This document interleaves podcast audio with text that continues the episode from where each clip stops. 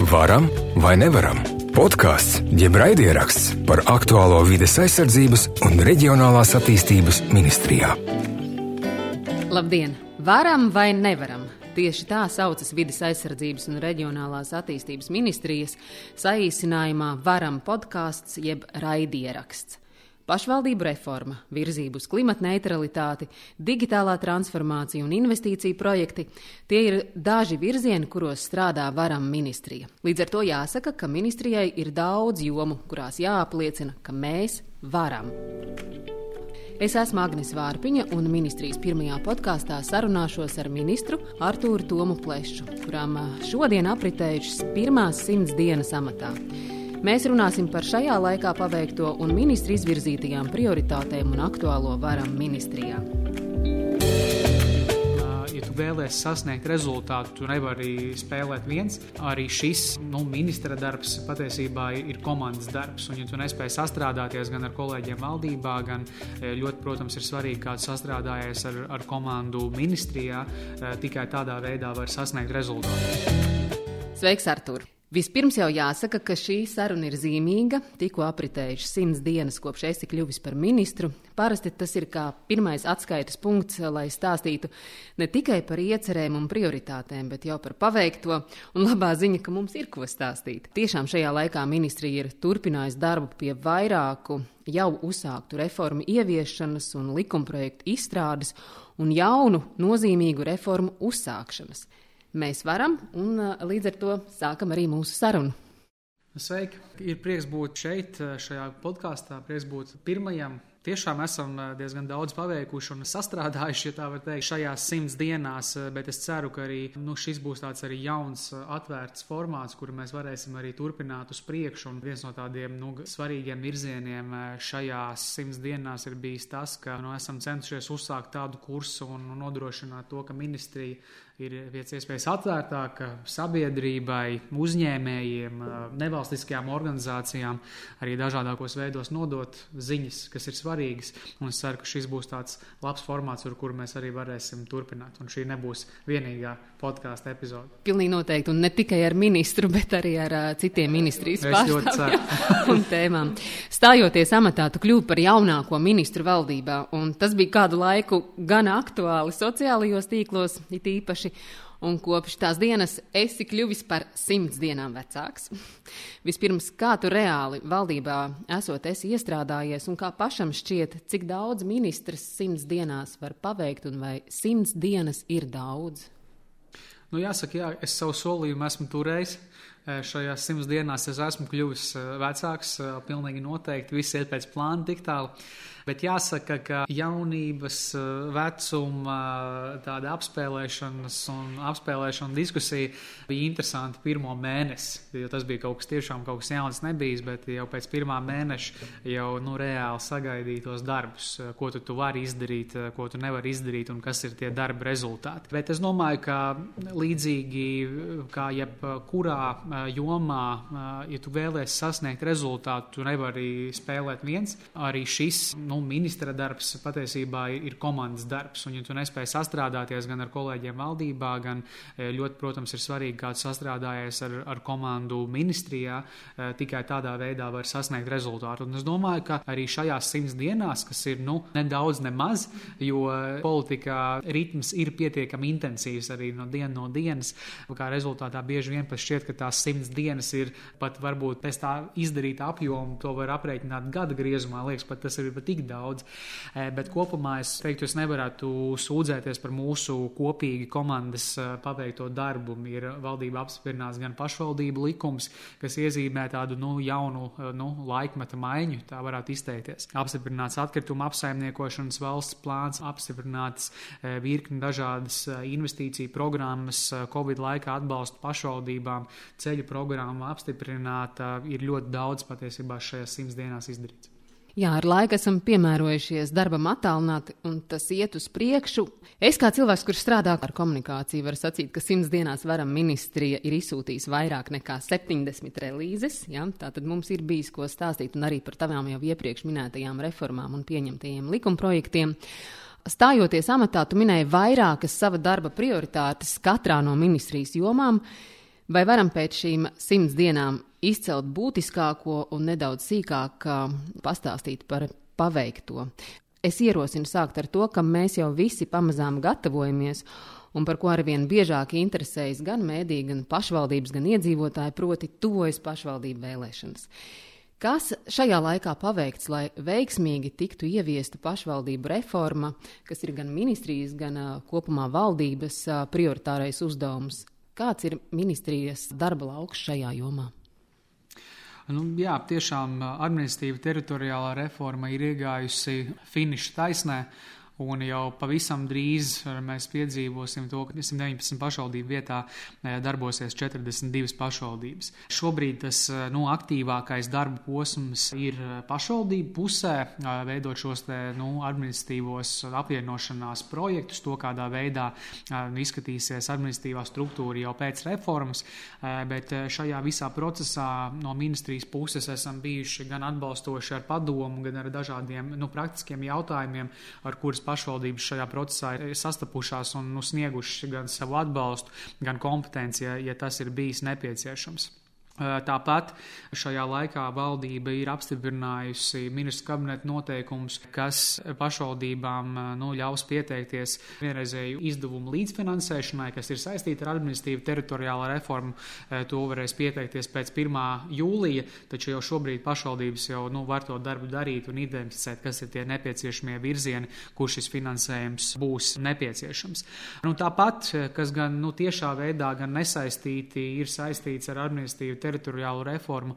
Mēs esam eh, nu, dizainējuši un veidojuši dažādas atbalsta programmas Covid-19 laikā, kas ir, nu, protams, svarīgi no Covid-19 seku pārvarēšanas, eh, par ko noteikti mēs eh, detalizētāk arī parunāsim, bet tikpat svarīgi, ka šīs investīcijas nodrošina arī tādu nu, ilgtermiņa redzējumu un ilgtermiņa ieguldījumus, kas arī jau pēc Covid-19 krīzes jau jauno pašvaldību teritorijās sniegs nozīmīgu ieguldījumu. Un, protams, nevar neiz neizcelt to, ka nu, šajā gadā tieši administratīva teritoriālās reformas kontekstā pašvaldību ceļu tīkls tiks sakārtots kopumā te 500 km garumā. 90 miljonu eiro šajā gadā ceļu tīkla sakārtošanai administratīva teritoriālās reformas kontekstā. Vai šajā Covid laikā pašvaldības ir saskārušās ar kādām īpašām grūtībām tieši šī brīža darba apstākļos? Es domāju, ka līdzīgi kā arī mēs šeit un kā privātajā sektorā daudz viet Covid-19 ir ievies savas korekcijas, kā mēs strādājam, kā mēs mācāmies sadarboties un, protams, attālinātais darbs, eh, tas ir eh, savu veidu jauns izaicinājums, kādā veidā darbus organizēt. Un arī šeit eh, pašvaldībām mēs arī esam snieguši atbalstu no savas puses, tostarp arī finansiālā veidā, lai pašvaldības varētu pielāgot savu darbu, attālināt darba veikšanai, kas tādā ziņā ir, ir ļoti svarīgi. Reformas virzīšanas laikā strādāja ministrijā, bija parlamentārais sekretārs, arī saimā administratīva teritoriālās reformas eh, komisijas vadītājs. Komentējot satversmes tiesas spriedumu, tu teici, ka reforma ir izturējusi satversmes tiesas kontroli visos būtiskajos aspektos. Tāds tiešām ir. Un tas, ko arī satversmes tiesa pauda, skaidri, ka administratīva teritoriāla reforma bija nepieciešama. Tā ir veikta iedzīvotāju interesēs un tā nodrošinās ilgtermiņa attīstību. Un, arī man nekādu bažu un šaubu par to nav.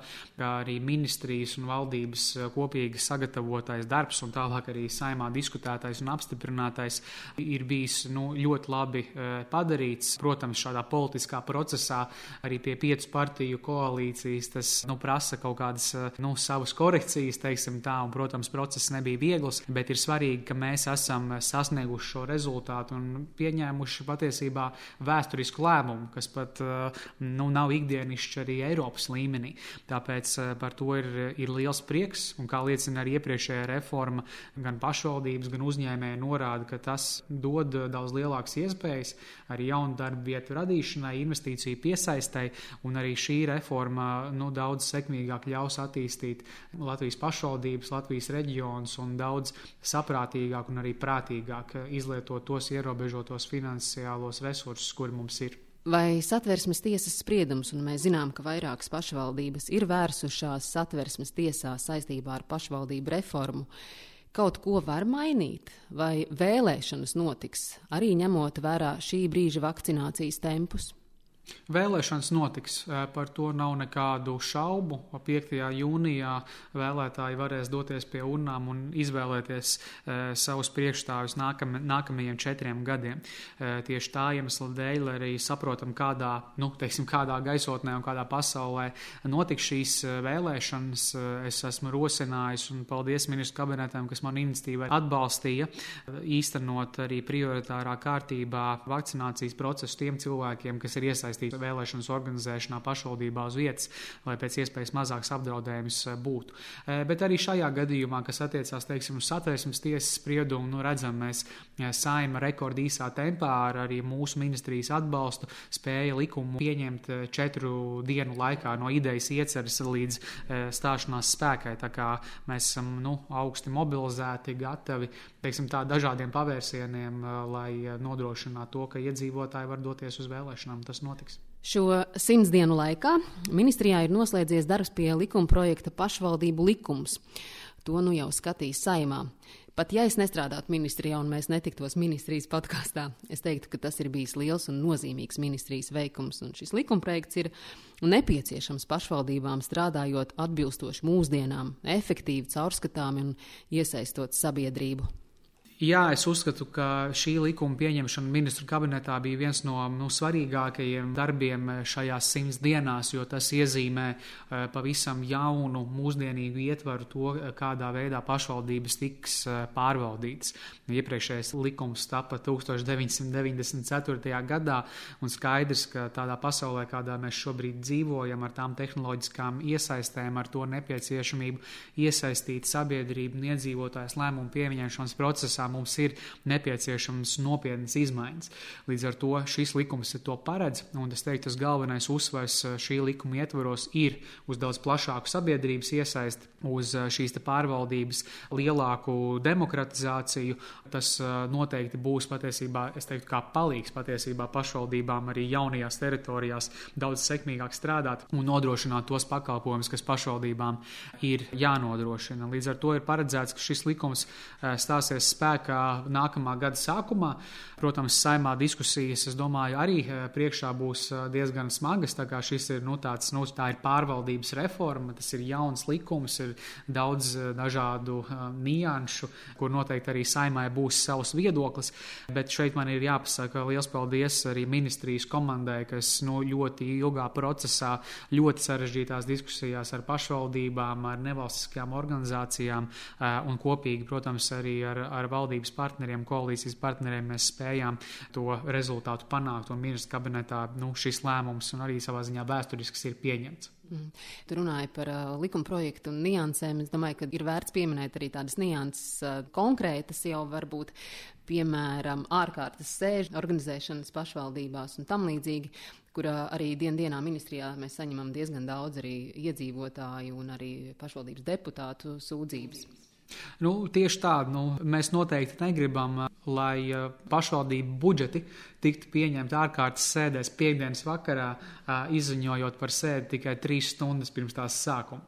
nu, tas ir viens piemērs no ļoti daudzām dažādām nu, nepilnībām, kādā veidā šobrīd domas dažkārt savu darbu organizē. Un līdz ar to, piemēram, attiecībā uz šīm ārkārtas sēdēm būs nepieciešams skaidrs pamatojums, kas tad ir šī steidzamība. Tāpat uh, obligāti pašvaldībām būs uh, nu, jānodrošina no 2024. gada uh, pašvaldības uh, policijas esamība un šīs funkcijas nodrošināšana, atskurbināšanas pakalpojumu nodrošināšana. Tāpat būs arī obligāta funkcija darbā ar jaunatni, kas arī ir svarīgi no tā aspekta, lai uh, mēs nu, noturētu cilvēkus reģionos, radītu šo piederības sajūtu, kas tādā ziņā arī palīdzēs ilgtermiņā pašvaldībām augt. Bet, protams, arī no tādas, ko es jau minēju, minēju, no šīs iedzīvotāja iesaistas viedokļa ļoti tāds nu, svarīgs un, un savā ziņā arī novatorisks risinājums ir tā saucamais līdzdalības budžets, kur pašvaldībām no 2023. gada ik gadu vismaz 0,1% no savu budžeta būs jāatvēl lemšanai sabiedrībai. Iedzīvotāji varēs definēt savas prioritātes, pašvaldība, protams, noteiks kārtību, kā tas viss notiks atbilstoši likumam, bet iedzīvotāji varēs lemt katrā gadā, kam viņi šo konkrēto naudas summu vēlas uh, nu, novirzīt. Vai konkrētas ielas sakārtošanai, varbūt kādu bērnu laukumu salabot, apgaismojumu varbūt uh, uzlikt, un tādā ziņā tas mums arī palīdzēs daudz uh, vairāk cilvēkus iesaistīt, rūpēs par pašvaldību un radīt identitāti un piederības sajūtu savai vietai. Jā, šo ideju diezgan atzinīgi ir vērtējuši arī vairākas nevalstiskās organizācijas, kā labu piemēru un labu iestrādi likuma projektā. Bet atgriežoties pie reālās situācijas un šī brīža situācijas, Šis ir pārmaiņu laiks pašvaldībās, turklāt arī lielu satraukumu periods mūsu visikdienā, un es te runāju par Covid-19 radītās krīzes ietekmi gan uz tautsēmniecību kopumā, gan uz pašvaldību attīstību, nemaz nerunājot par grūtībām, ar kurām saskars katrs iedzīvotājs personīgi saistībā ar ierobežojumiem un visām no tā izrietošajām sekām. Kādi ir tie atbalsta veidi, ko varam var sniegt un sniedz pašvaldībām šajos Covid-19 apstākļos? Nu jā, šis laiks tiešām ir izaicinājums pilns ne tikai katram mums eh, individuāli, eh, kā cilvēkiem, kā iedzīvotājiem dažādās dzīves sfērās esot, bet, protams, arī pašvaldībām definējot nu, to attīstību ja, un to nepieciešamību, kas ir, lai stimulētu reģionālo ekonomiku, nepazaudētu darba vietas un radītu jaunas.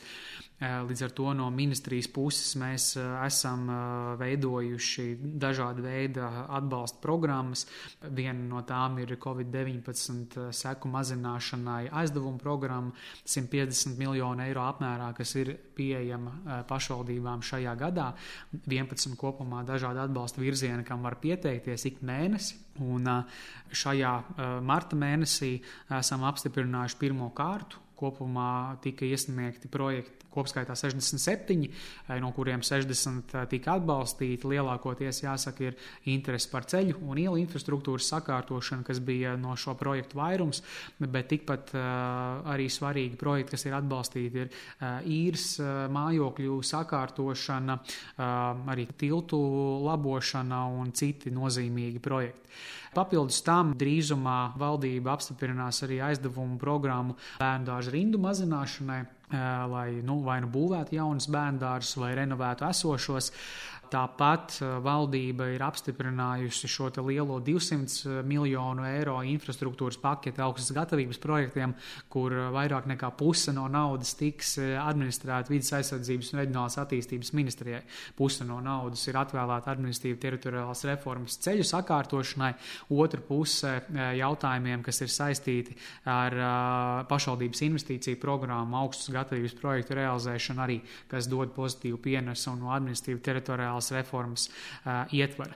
Līdz ar to mēs strādājam mēs intensīvi, lai sniegtu pašvaldībām pēc iespējas nu, lielāku atbalstu uh, šajā laikā. Tas galvenais mērķis šajā periodā ir nodrošināt vienkāršā valodā sakot cilvēkus ar darbu gan cilvēkus ar darbu, gan arī patiesībā radīt jaunas darba vietas un nodrošināt tādus nu, priekšnoteikumus, lai arī pašvaldības pēc Covid krīzes beigām var sekmīgi attīstīties. Jo tikmēr, kamēr mums arī e, nu, budžets teiksim, ļauj e, nu, aktīvi ieguldīt dažādu veidu investīciju objektos, tas tiešām mums nu, rada pozitīvus priekšnoteikumus ne tikai šajā īsā termiņā attīstīties un vienkārši likt naudu ekonomikā iekšā, bet tas mums palīdz arī ilgtermiņā ilgtermiņā. No iedzīvotāju mobilitātes viedokļa uzņēmējiem arī ir, ir svarīgi, kāda ceļu infrastruktūra, piemēram, tiek sakārtot un virkni citiem, eh, citiem aspektiem. Tā kā arī jāsaka paldies pašvaldību eh, atsaucība ir pietiekami liela, interese ir liela un kopumā programmas labi novērtēta. Bet noteikumi jau arī ir eh, diezgan pretimnākoši. E, jā, kā jau minēju, teiksim, atšķirībā arī no ieprie, iepriekšējā gada, kad šī programma vispār tika uzsākta, kopumā 100 miljonu eiro apmērā pašvaldības pieteicās aizdevumiem, tad šajā gadā arī saprotot to pašvaldību interesi un vajadzības šo aizdevumu virzienu klāstu mēs papildinājām, ievērojam, saprotot tās vajadzības, papildinot ar meliorācijas sistēmu, izbūvi, papildinot, kā jau minēju, šo īres dzīvokļu labiekārtošanu, tiltu rekonstrukciju labošanu, kas iepriekš arī nebija, un virkni citiem elementiem. Sociālajā aprūpes centru, jā, tā kā šī atbalsta virziena ir ļoti daudz, kam pašvaldības var pieteikties. Vēl atgriežoties par autoceļu programmu. Jāsaka, ka autoceļiem piešķirtie papildu līdzekļi pagājušajā gadā kopumā Tostarp arī reformas kontekstā atjaunojamajiem ceļiem kalpoja kā ekonomikas atveseļošanas instruments. To savā revīzijā secinājusi valsts kontrole, un arī šogad ministrija turpina šo ATR kontekstā atjaunojamo ceļu programmu. Kāda ir jaunuma tajā jomā? Es saprotu, ka tas arī ir viens no simts dienu veikumiem. Tā tas ir, bet jāsaka, ka kopumā ministrija ir pat kopš tā brīža, kad tika izveidots un arī valdība apstiprināta 300 miljonu administratīva teritoriālas reformas ceļu programma, mēs esam apsteiguši pat nedaudz laiku, jo šo programmu bija sākotnēji plānots īstenot tikai sākot ar 2021. gadu, bet jau iepriekšējā gadā no šiem 300 miljoniem 44 miljonu eiro tika novirzīti tam, lai tiktu sakārtoti tie ceļi, e, kuri tika identificēti kopā ar plānošanas reģioniem, Latvijas valsts ceļiem un satiksmes ministriju. Tādā ziņā šis ir arī tāds pozitīvs kopdarbs, kas tika veikts iepriekšējā gadā un turpinājās arī šogad. Bet e, šogad e, tiešām ir nu, izdevies nu, izcīnīt un arī kopīgi to sadarbības valodu un ceļu atrast tam, lai šī programma turpinātos kā solīts. Šajā gadā būs pieejami kopumā 90 miljoni ceļu sakārtojumu sakārtošanai, te ir 500 km garumā. Tāpat, lai turpinātu šo programmu realizēt, 102 miljonu eiro ir ieplānot atvesaļošanās un noturības mehānismu ietveros kā sadaļa no nevienlīdzības mazināšanas pasākumiem un viennozīmīgi, kā to nu, rāda dažādi pētījumi, ceļu infrastruktūras sakārtošana nav tikai īstermiņa pasākums no ekonomikas sildīšanai, tas ir tāds ilgtermiņa pasākums ar, ar paliekošu pozitīvu ietekmi. Varam vai nevaram? Jūs klausāties vides aizsardzības un reģionālās attīstības ministrijas podkāstu jeb raidierakstu. Parunāsim par to, ko mēs nevaram vai nevarēsim. Pilnīgi noteikti mēs nevarēsim nešķirot atkritumus. Pilnīgi noteikti mēs tos tādos apmēros vairs nevarēsim apglabāt atkritumu poligonos. Un pilnīgi noteikti mēs no vasaras jau nevarēsim veikalā nopirkt virkni plasmasas izstrādājumu. Un vēl cerams, ka dabā nevarēsim atrast tik daudz izmestas pēta pudeles, jo mums būs ieviesta depozītu sistēma. Kā noprotat, esam pietuvojušies nākamajam lielajam ministrijas darbības virzienam - vide un daba. Tajos brīžos, kad tev ir iespēja šķirot, tu to dari. Tas galvenais piesārņojums, kas tiek konstatēts, ir vienreiz lietojamā plasmasa. Kā jau pirms brīža minēju, mūs sagaida daudzi nevaram un nevarēsim, bet es zinu, cik ļoti ministrijā tiek strādāts pie tā, lai uz šiem daudzajiem ierobežojumiem mēs kā sabiedrība sāktu skatīties kā uz jaunām iespējām, mainot nevaram uz varam un varēsim. Nu jā, būs virkni lieta, ko mēs eh, noteikti nevaram un eh, nevaram jau šobrīd un nevarēsim arī turpmāk, eh, bet tas ir ar pozitīvu skatu nākotnē, jo, nu, redzot šos te, nu, atkritumu, piemēram, kalnu palielināšanos, to, kādā veidā piesārņojums kopumā dabā palielinās, arī, nu, temperatūras globālā pieaugšana, gan arī nu, pasaules mērogā, gan arī šeit lokāli, tas viss, protams, liek mums aktīvi rīkoties, lai nu, mēs gan sev, nu, savas dzīves laikā radītu tādu vidi, kas ir nu, dzīvojama, gan arī saviem bērniem. Mēs atstātu planētu pēc sevis, kura nav piedrazota, piesārņota un visādi citādi daudz grūtāk apdzīvojama. Līdz ar to nu, Latvija ir uzņēmusi nu, tādu ambiciozu nu, virzienu, un tas ir pareizs virziens doties klimata neutralitātes virzienā 2050. gadā un kopumā nu, īstenot arī šo ambiciozo zaļā kursa stratēģiju, kas sevī ietver virkni dažādus darbības virzienus. Tas ir jārūpējas par to, kādā veidā mēs efektīvi apsaimniekojam savus atkritumus. Mums ir jārūpējas par to, cik daudz mēs emitējam siltumnīca efekta gāzes gaisā un kādā veidā to mēs varam samazināt. Un, protams, par to, kādā veidā mēs rūpējamies par savām dabas bagātībām, par bioloģisko daudzveidību. Un šie ir tikai tādi nu, svarīgākie virzieni, bet papildus tam ir virkni daudz dažādu pasākumu, kas ir jāveic. Un tas, tas kopējais skats, kādu mēs ejam, mums ir pēc iespējas efektīvāk jāizmanto tie resursi, kuri ir mūsu rīcībā. Un šajā laikā mēs esam arī eh, diezgan daudz teiktu, izdarījuši.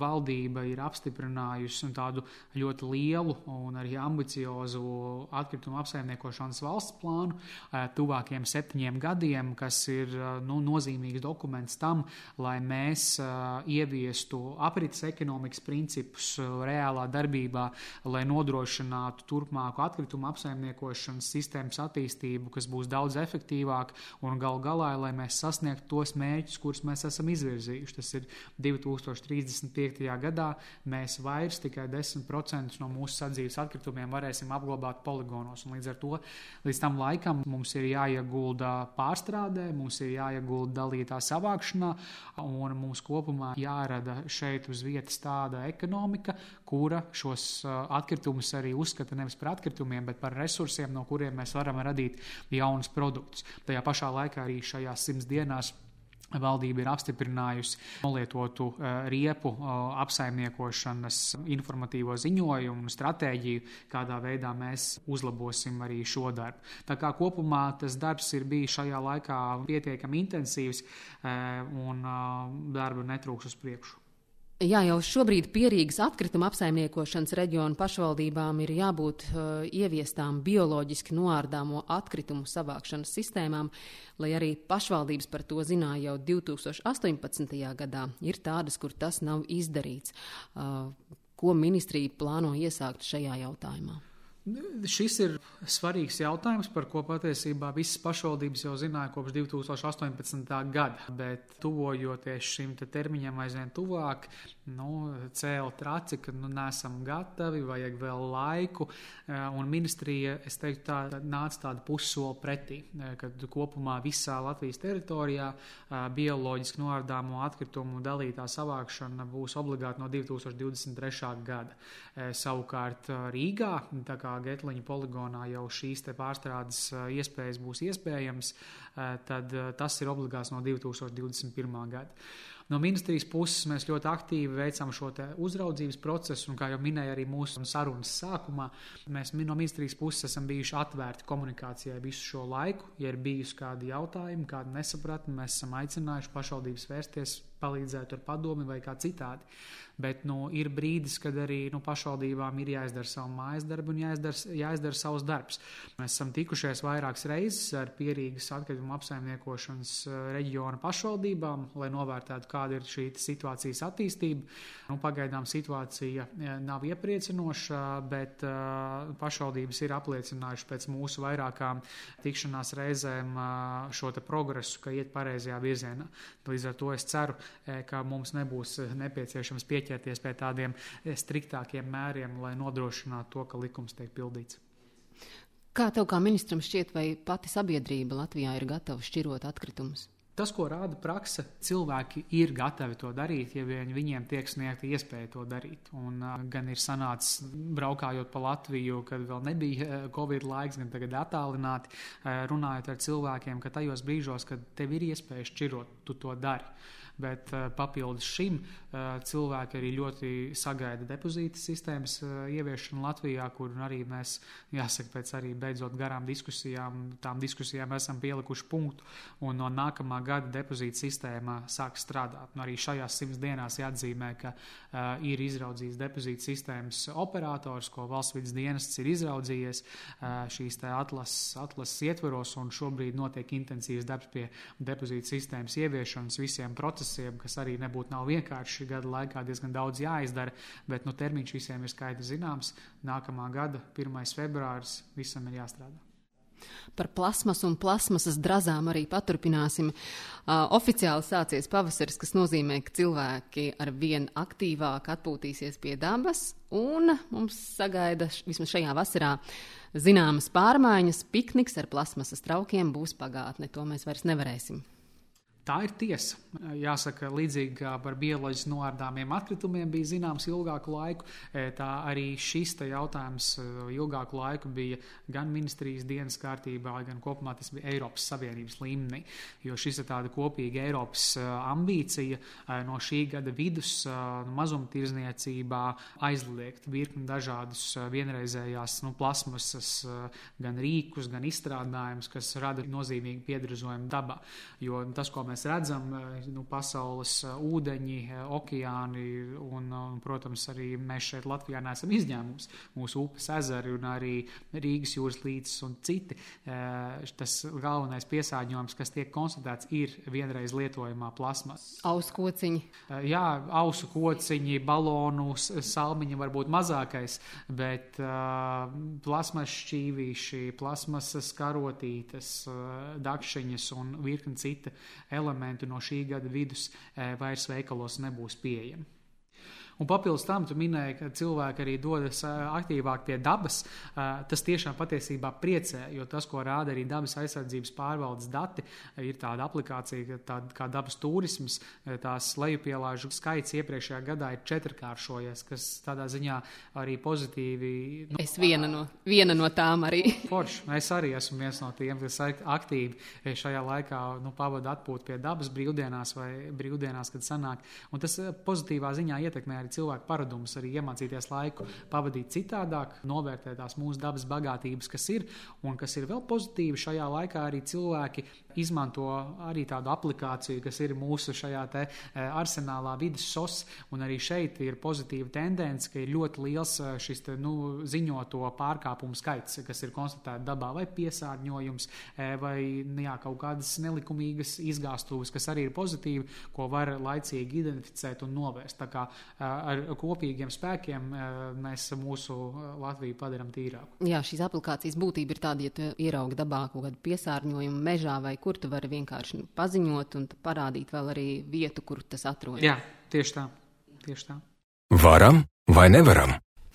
Un visbeidzot par laimīgu sagadīšanos. Latvijā ministrija, kas atbild par vidi, tagad arī par tik visai pasaulē, tostarp mums kā Eiropas Savienības dalību valstī nozīmīgo virzību uz klimata neutralitāti, atbild arī par digitalizāciju. Un mēs visi saprotam, ka centieni kļūt zaļākiem, videi draudzīgākiem nav iespējami bez digitālo risinājumu plašāka pielietojuma. Turklāt arī jāsaka, ka mūsu ikdiena bez digitāliem risinājumiem un rīkiem gan valsts pārvaldē, gan privātajā sektorā vairs nav iedomājama.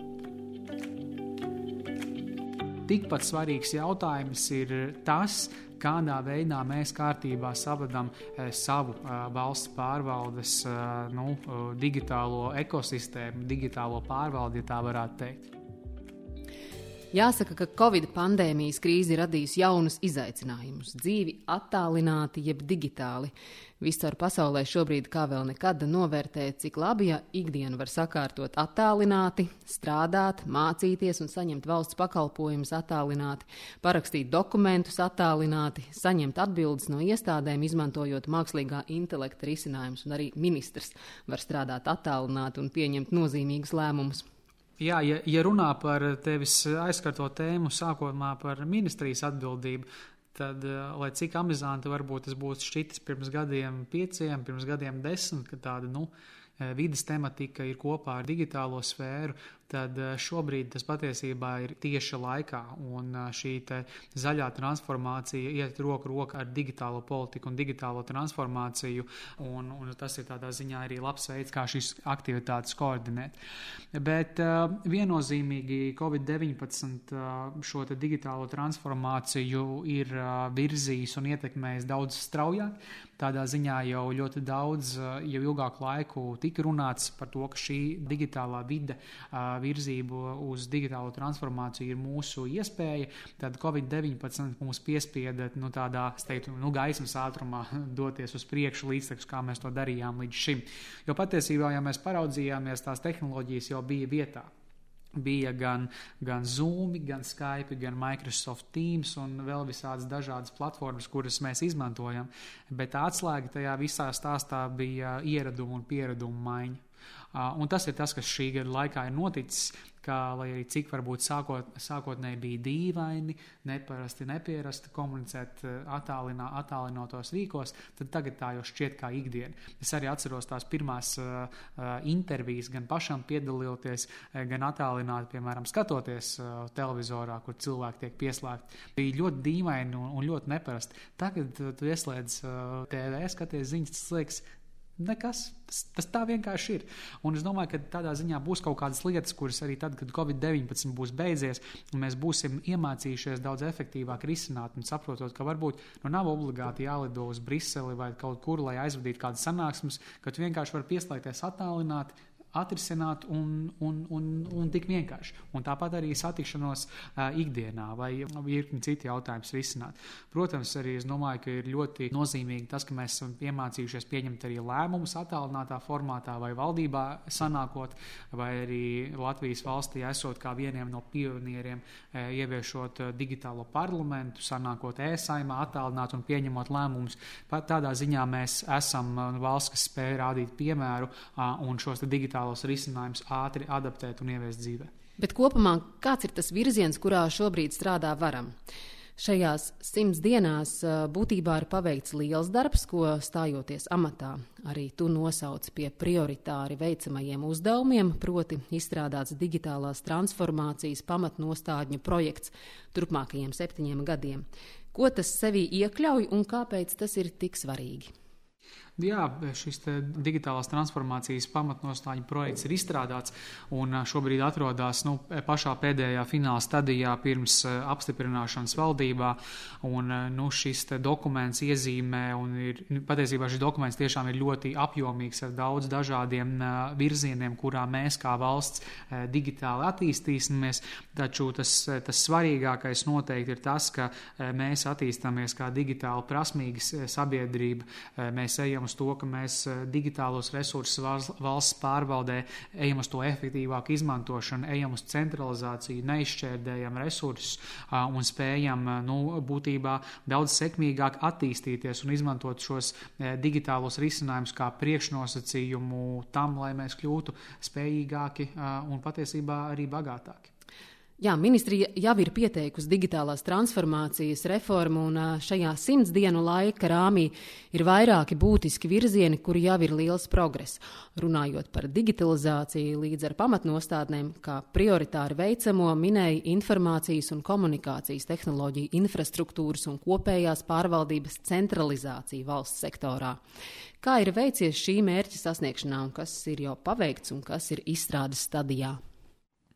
Nu, jāsaka, ka atvesaļošanās un noturības mehānisms un diskusijas par šo, uh, nu jā, par šo lielo finansējumu, kas būs uh, mūsu no ekonomikas pārveidēji no Eiropas pieejams, uh, lielā mērā ir nu, pacēlusi daudz, daudz asāk, karstāk un plašāk šīs, diskusijas, eh, kādā veidā mēs eh, varam mūsu valsti padarīt par daudz digitālāku.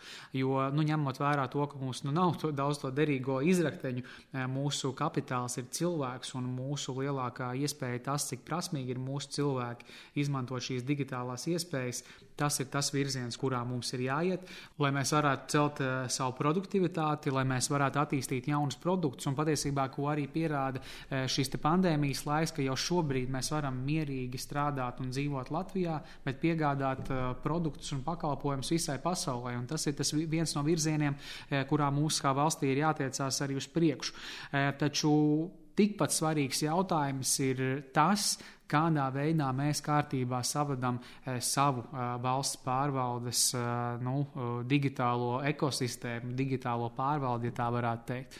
Un šeit ir, lai mēs arī nākotnē izbēgtu no kaut kādiem neveiksmīgiem e-veselības projektiem un kopumā pārcenotiem digitālo projektu iepirkumiem.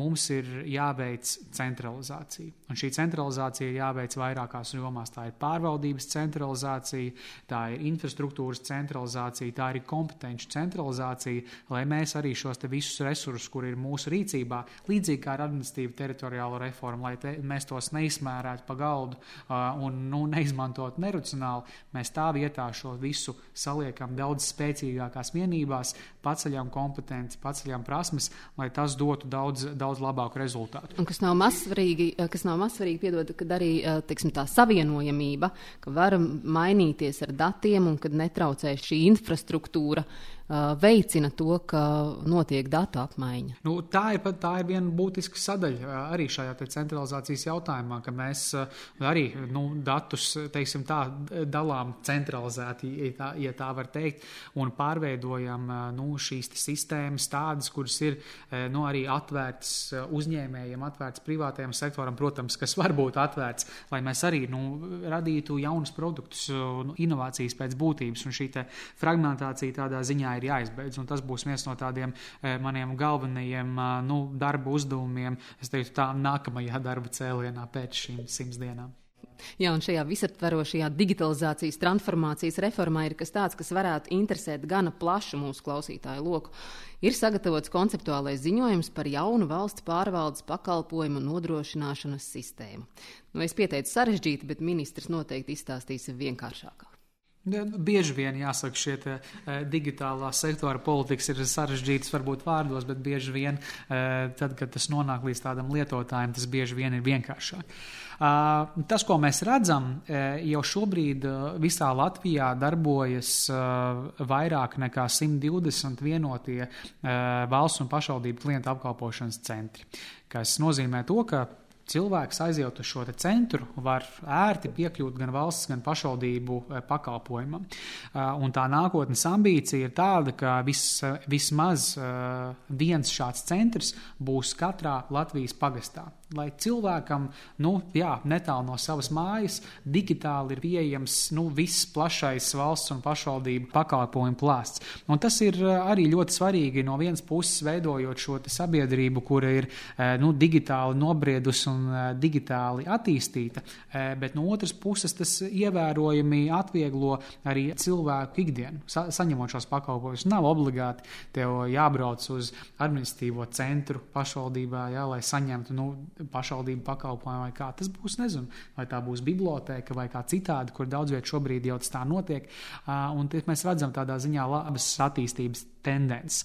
Līdz ar to paredzēts ir, ka līdz 2023. gadam šādu centru Latvijā būs teju 600. Nu jā, noslēgumā jāsaka, ka labi, ka ir tāda lieta kā digitalizācija un līdz ar to arī podkāsti. Paldies, Artur, par sarunu.